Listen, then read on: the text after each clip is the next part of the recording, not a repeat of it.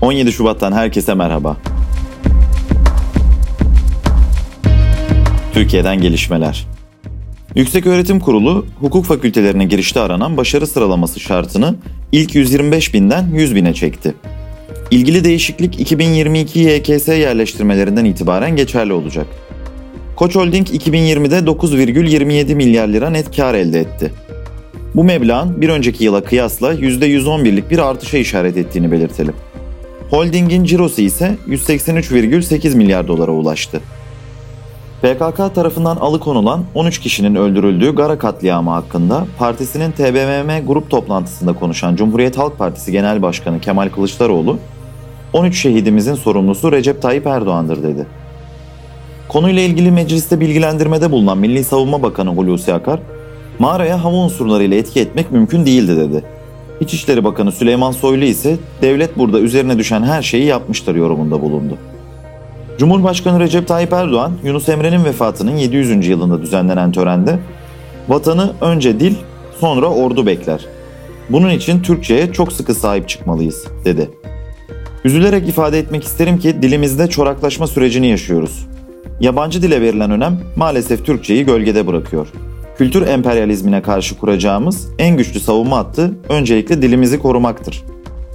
Türk psikolog ve iletişim psikolojisi uzmanı Doğan Cüceloğlu, İstanbul Beşiktaş'taki evinde ölü bulundu.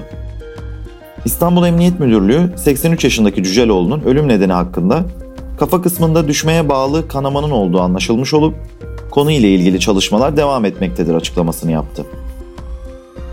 Dünyadan gelişmeler. Avustralya'da parlamento yeni bir medya yasası geçirmeye hazırlanıyor. Buna göre Google, Facebook gibi teknoloji şirketleri içeriklerini paylaştığı medya şirketlerine ödeme yapmak zorunda kalabilir. Tasarının çıkış noktası esasında gelirin adaletli dağıtılması. Hali hazırda her 100 dolarlık çevrim içi reklam harcamasından Google'ın payına 53 dolar, Facebook'un payına ise 28 dolar düşüyor. Diğer paydaşlar ise pastadan 19 dolar alıyorlar. Havalimanları Avrupa Konseyi'nin 2020 yılı trafik raporuna göre Avrupa'da havalimanları 2020 yılında 1,72 milyar yolcu kaybetti.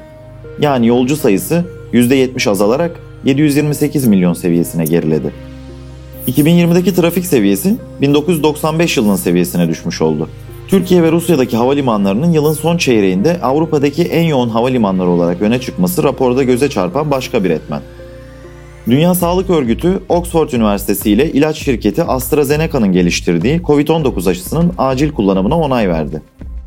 Kripto para birimi Bitcoin yeni bir rekor kırdı. Bitcoin gün içinde 47 bin doları gördükten sonra 50 bin 335 dolara kadar yükseldi. Irak Erbil'de ABD askeri üssününde bulunduğu havalimanına düzenlenen füzeli saldırıda bir sivil müteahhit hayatını kaybetti. 5 sözleşmeli personel ve bir Birleşik Devlet askeri yaralandı. Bölgede 14 el roket fırlatıldığı açıklandı. Nijerya Maliye Eski Bakanı Engonzi Okonjo-Iweala, Dünya Ticaret Örgütü Başkanı oldu. Dünya Ticaret Örgütü'nün ilk kadın ve Afrikalı başkanı olan Iweala, 1 Mart'ta görevine başlayacak ve 4 yıl görev yapacak. Novus'ta gelişmeleri dinlediniz. Hoşçakalın.